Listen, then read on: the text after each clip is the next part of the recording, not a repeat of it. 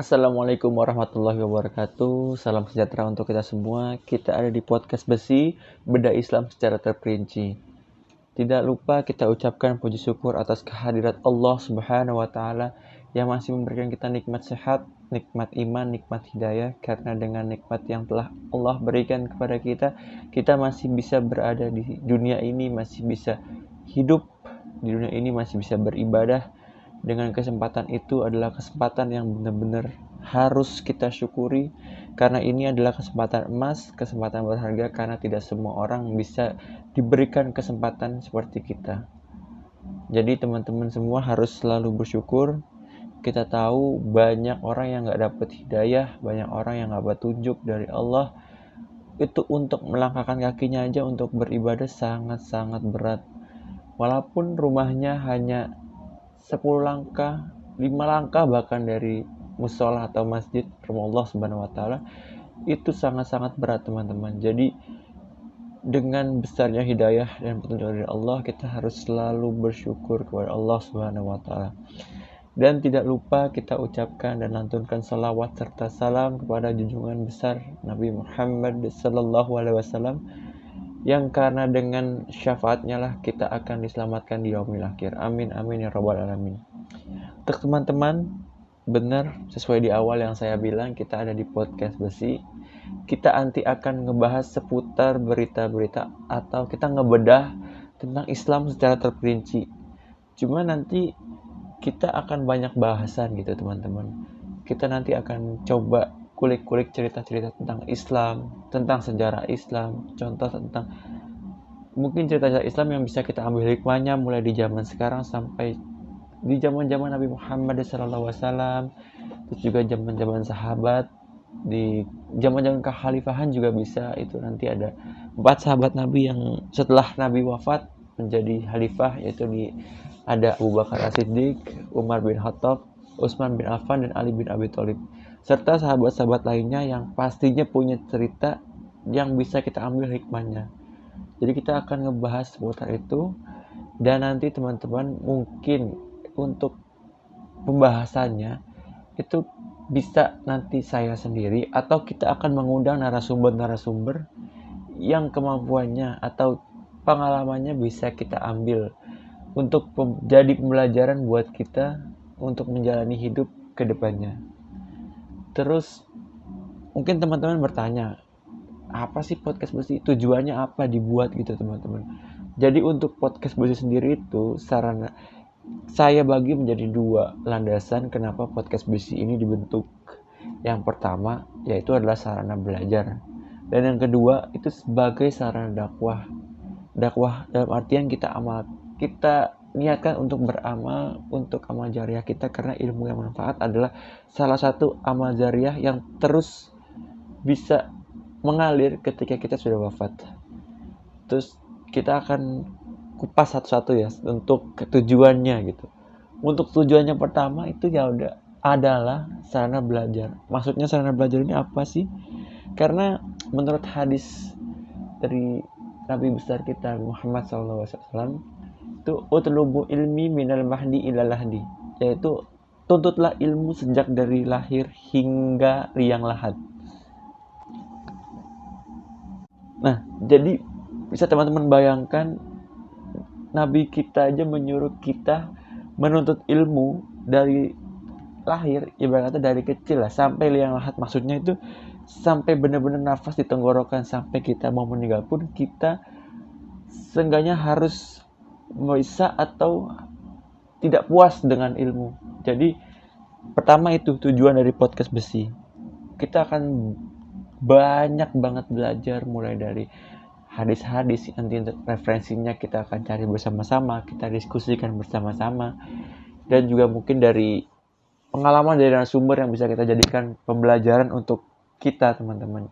Jadi itu sih sebenarnya niat yang pertama atau landasan pertama kenapa podcast besi dibuat Terus yang kedua adalah sebagai sarana dakwah. Dakwah dalam artian mungkin dari saya sendiri apa ya punya keterbatasan ilmu gitu. Cuman nanti kita tetap akan sama-sama hasil dari diskusi, hasil dari referensi yang saya ambil mungkin dari hadis yang saya nukil dan lain-lain itu akan saya cantumkan referensinya itu dari mana? Sumbernya dari mana? Buku kah hadis kah hadis mana? Itu akan saya cantumkan jadi untuk meminimalisir kesalahan tafsir atau lain-lain. Terus kenapa dakwah? Dan kok kenapa saya berani itu walaupun saya sendiri paham gitu saya masih fakir ilmu masih fakir ya intinya masih miskin lah dalam ilmu. Cuman saya teringat kepada hadis dari Nabi Muhammad SAW itu di hadis Bukhari nomor 3202 yaitu baligul aini walau ayah. Yaitu sampaikanlah dariku walau satu ayat. Jadi balik lagi.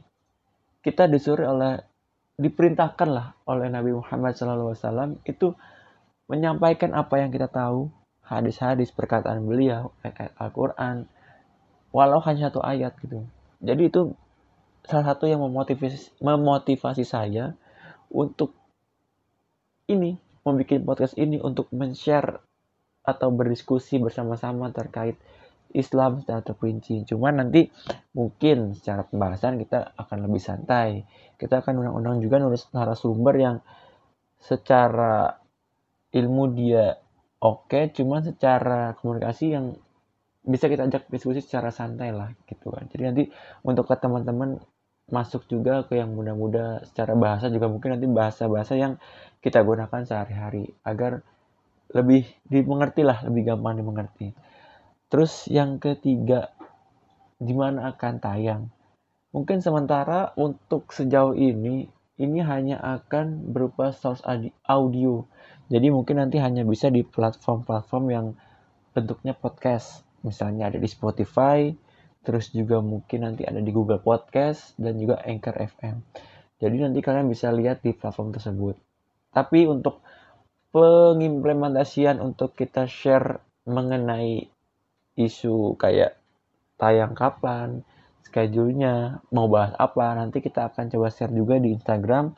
Kita ada juga Instagram pribadinya di podcast underscore besi dan juga nanti mungkin akan di share di uh, eh, IG pribadi saya juga di Guntur Novi HRD nanti kalian bisa lihat di situ gitu terus teman-teman konsepnya tadi kan sebelumnya sudah bilang kita akan menceritakan tentang kisah-kisah islami kisah-kisah yang bisa kita ambil hikmahnya atau pelajaran dari zaman sekarang hingga zaman dulu-dulu gitu bisa kita ambil untuk hostnya sendiri nanti yang akan dibawakan sementara sambil jalan itu hanya saya dulu gitu. Cuma nanti nggak menutup kemungkinan kita akan tadi menggunakan narasumber ataupun nanti ada teman saya untuk kita kolaps gitu kan untuk membuat konten lebih lanjut.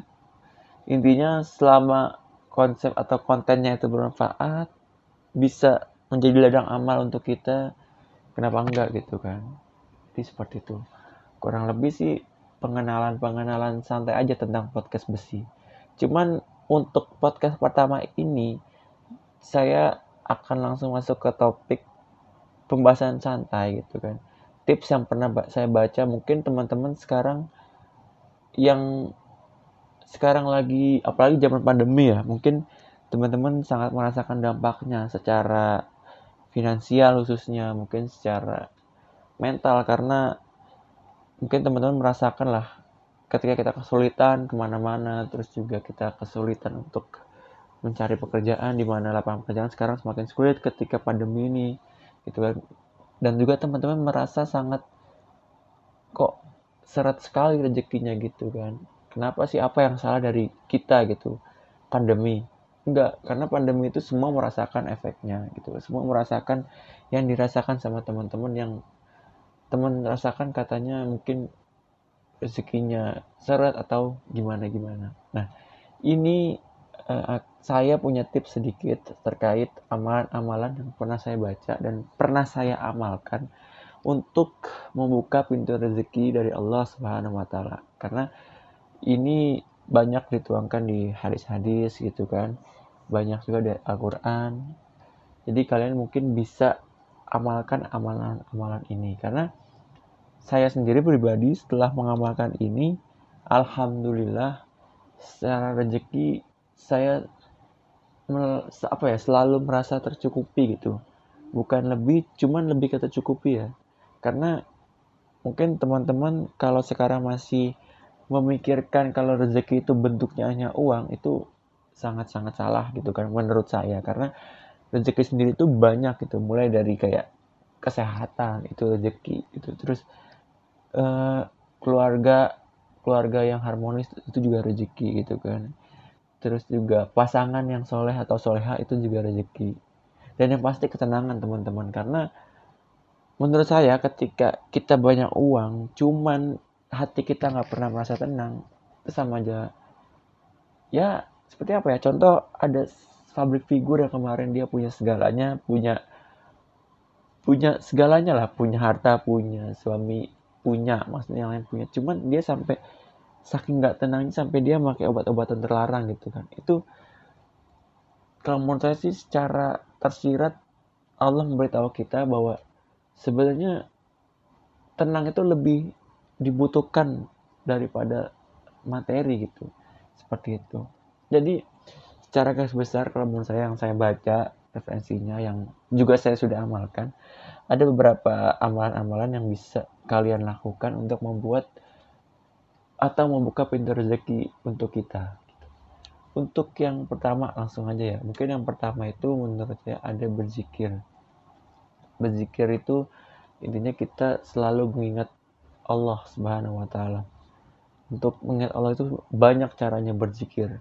Mulai kita ada zikir pagi dan zikir petang. Nah, itu teman-teman bisa lakukan. Untuk yang belum tahu zikir pagi, zikir petang, bisa kalian cek di uh, highlight di Instagram saya di Guntur Novia RD itu udah saya taruh di situ. Kalau kalian mau baca zikir pagi dan zikir petang gunanya apa? Karena saya pernah baca itu salah satu pembuka pintu rezeki dan juga sebagai pelindung benteng untuk kita ketika kita merutinkan membaca zikir pagi dan zikir petang. Itu ketika membaca zikir pagi di pagi hari insya Allah kita akan dijauhkan dari mara bahaya mulai dari pagi sampai sore dan seterusnya dan juga untuk jika sore kita ketika kita rutinkan itu kita akan dilindungi Allah Subhanahu wa oleh Allah Subhanahu wa taala mulai dari sore sampai pagi lagi. Jadi kurang baik apa teman-teman? Banyak zikir-zikir yang bisa dilakukan selain itu juga. Mungkin dari baca Quran termasuk zikir juga. Dan banyak lagi lah. Intinya ketika kita berzikir dan mengingat Allah, semakin kita sering mengingat Allah, insya Allah akan semakin Allah ingat sama kita itu intinya aja. Jadi saya pernah baca juga sebuah hadis atau sebuah ayat Al-Quran saya lupa. Cuman intinya ketika Allah tidak Allah itu bakal malu atau tidak enak ketika ada hambanya yang berdoa dan juga selalu mengingatnya tapi nggak Allah kabulkan. Jadi untuk teman-teman gak usah takut. Ketika teman-teman sering mengingat Allah teman-teman sering berdoa minta sama Allah insya Allah Allah akan kabulkan. Cuman balik lagi untuk semua itu untuk kapan waktunya itu hanya Allah yang tahu yang terbaik buat kita karena yang menurut kita baik belum tentu menurut Allah baik. Sedangkan semua yang menurut Allah baik, insya Allah akan baik buat kita. Terus itu yang pertama. Dan masih banyak lagi gitu kan untuk untuk kata-kata atau zikir-zikir bisa digunakan gitu kan. Terus yang kedua itu ada membaca Al-Quran. Nah, jadi membaca Al-Quran itu juga adalah salah satu aktivitas atau amalan yang bisa kita praktekkan untuk membuka pintu rezeki gitu. Sama halnya dengan berzikir tadi. Makanya tadi saya bilang membaca Al-Quran itu termasuk zikir gitu kan. Karena selain tadi pertama buka pintu rezeki. Yang kedua menghapus dosa karena sebenarnya gini saya pernah dengar dari salah satu uh, ustadz itu Ustadz Salama sebenarnya rezeki kita gitu. Rezeki sebenarnya kita sebenarnya untuk rezeki itu gampang sebenarnya ketika Allah kasih kita kasih. Allah kita minta Allah kasih.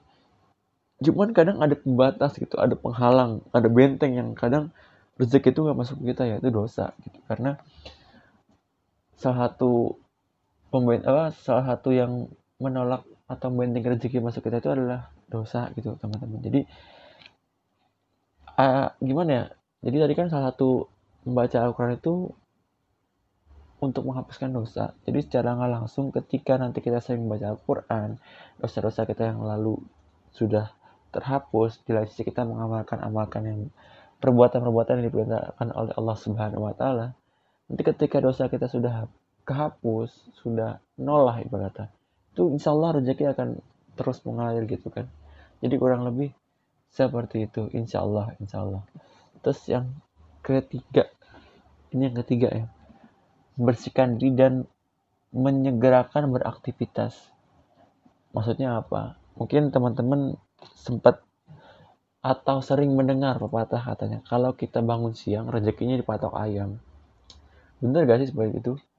Sebenarnya ada benernya cuman secara di agama Islam ya di situ mengatakan jika sebenarnya itu di waktu pagi semua malaikat pemberi rezeki itu diutus oleh Allah Subhanahu wa taala untuk membagikan rezeki dari Allah Subhanahu wa taala kepada hambanya yang meminta atau berusaha gitu kan. Jadi gimana ya? Apa kita nggak malu ketika malaikat semua malaikat rezeki lagi sibuk-sibuknya gitu lagi hetik-hetiknya untuk membagikan rezeki cuma kita masih tidur atau kita masih malas-malasan di rumah. Jadi ya nggak elok lah maksudnya nggak etik lah. Jadi seharusnya kita ketika bangun pagi setelah sholat subuh ya kan kita bisa berzikir tadi mungkin zikir pagi langsung segera mungkin mandi atau membersihkan diri langsung beraktivitas. Mencari pekerjaan ke mana, ke mana pun gitu kan. Asal kita sudah berusaha sisanya kita serahkan ke Allah Subhanahu Wa Taala. Itu yang ketiga. Nah yang keempat itu ada salat duha. Mungkin ini salah satu amalan jalan pintas lah untuk sholat duha. Karena gimana ya sebenarnya sholat duha itu adalah salah satu sholat yang benar-benar untuk salah gimana ya dia membuka pintu rezeki juga gitu kan. Salah satu sholat yang dihitung sebagai sedekah juga di mana mungkin sedekahnya itu adalah membuka pintu rezeki. Jadi ketika kita melakukan sholat duha ketika kita mengamalkannya rutin itu insya Allah akan dibukakan lah dilapangkan rezekinya Allah Subhanahu Wa Taala. Karena Jujur ini pengalaman pribadi ketika saya melakukan atau mengamalkan aktivitas ini sholat dua saya rutinkan gitu kan. Mulai dari ya mungkin awalnya berat mungkin hanya se dua rakaat dua rakaat. Cuman di intensitasnya nambah lah jadi empat enam gitu kan. Karena dalam hadis juga ada siapa yang merutinkan minimal 12 rakaat pada sholat dua itu akan dibangunkan istana di surga. Jadi bayangin aja teman-teman gitu kan.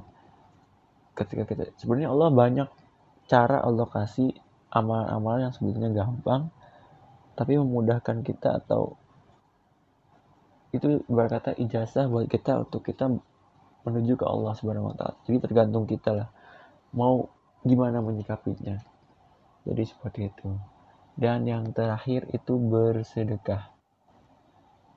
Bersedekah itu banyak ya nggak cuman nggak cuman apa ya tadi termasuk sholat duha tuh kalau di ayat atau hadis itu bilang sholat duha tuh termasuk bersedekah juga pada Allah Subhanahu Wa Taala misalnya kita nggak punya rezeki gitu kan. Terus bersedekah sendiri itu sebenarnya membersihkan harta kita gitu dari yang bukan hak kita gitu. Karena mungkin teman-teman banyak yang tahu gitu sebenarnya dari harta kita itu dua setengah persennya itu adalah hak orang lain gitu kan. Jadi gimana ya? Udah sepatutnya kita memberikan yang bukan hak kita kepada orang lain gitu. Selain untuk membersihkan harta kita, insya Allah ketika orang semakin banyak sedekah itu nggak akan yang namanya hartanya habis. Justru akan ditambah, ditambah, ditambah, dan ditambah. Baik lagi saya sudah mengamalkan ini ketika saya rutinkan bersedekah. Maksudnya bukan mau pamer, cuman ini untuk teman-teman aja sebagai motivasi juga agar kita bisa bersama-sama untuk melakukan amal-amal tersebut. Jadi ketika kita rutinkan bersedekah apalagi ketika di waktu subuh pas lagi malaikat yang tadi saya bilang adalah ketika malaikat pergi bertebaran untuk memberikan rezeki dari Allah Subhanahu wa taala itu benar-benar malah saya pernah dengar itu malaikat berdoa gitu ketika kita bersedekah di waktu subuh. Jadi saya lupa mungkin nanti kita akan sama-sama mencari referensinya untuk uh, ayat tersebut gitu kan terus ada juga di surat At-Talak ayat 7 gitu kan yang berbunyi dan barang siapa yang sedang disempitkan rezekinya maka hendaknya ia menafkahkan sebagian rezeki yang Allah berikan kepadanya. Gitu. Jadi dari ayat tersebut aja Allah sudah perintahkan ya gitu. Ketika kalian butuh rezeki atau ketika rezeki kalian sempit gitu seret. Nah, sedekah adalah jalan jalan yang bisa kalian lakukan untuk membuka pintu rezeki kalian lagi gitu kan membuka melapangkan rezeki kalian. Jadi kalian bisa banget makan nggak nggak usah banyak banyak gitu kak. Sisihkan aja seribu dua ribu gitu kan. Nggak usah banyak banyak. Insya Allah Allah akan tahu yang penting dari niat kita untuk sedekah maka Allah akan berikan amalan tersebut untuk sedekah. Seperti teman-teman. Jadi mungkin tadi itu aja sih lima yang bisa saya sampaikan yang pernah saya baca dan saya amalkan. Dan alhamdulillah ketika saya mengamalkan amalan-amalan tersebut itu dari diri saya sendiri apa ya selalu merasa tercukupi lah. Cukup lah ibaratnya cukup cukup. Karena baik lagi ketika kalau Allah tuh sebenarnya nggak pernah memiskinkan atau nggak ada istilah dalam Al-Quran tuh memiskin atau kaya. Yang ada adalah kaya dan cukup. Jadi baik lagi gimana kita menyikapinya gitu. Jadi untuk teman-teman semua, mungkin itu yang bisa saya share di podcast pertama di introduction ada pengenalan tadi dan juga sedikit tips untuk teman-teman yang sedang mungkin merasa lagi sempit rezekinya apalagi di zaman uh, yang sedang melanda. Intinya musibah yang melanda kita semua yaitu COVID-19 kalian bisa amalin tersebut amal amalkan tersebut agar insya Allah Allah berikan kita jalan keluar Allah berikan kita rezeki Allah terus sehatkan kita dan intinya kita selalu dalam lindungan oleh Allah Subhanahu wa taala. Jadi mungkin itu aja teman-teman yang bisa saya share untuk podcast pertama ini. Jadi untuk teman-teman jika ada salah kata atau referensi yang saya ucapkan di episode ini. Saya mohon maaf dan mungkin teman-teman bisa koreksi, bisa DM langsung di podcast besi. Dan juga nanti mungkin kita bisa sharing di sana. Mungkin teman-teman juga punya tema yang mau disampaikan atau mau dibahas, boleh banget bisa DM gitu. Nanti ke eh, ke Instagramnya podcast besi atau ke Instagram saya @gunturnoviarning. Jadi teman-teman makasih banyak yang udah mendengarkan. Kurang lebihnya saya mohon maaf. Wassalamualaikum warahmatullahi wabarakatuh.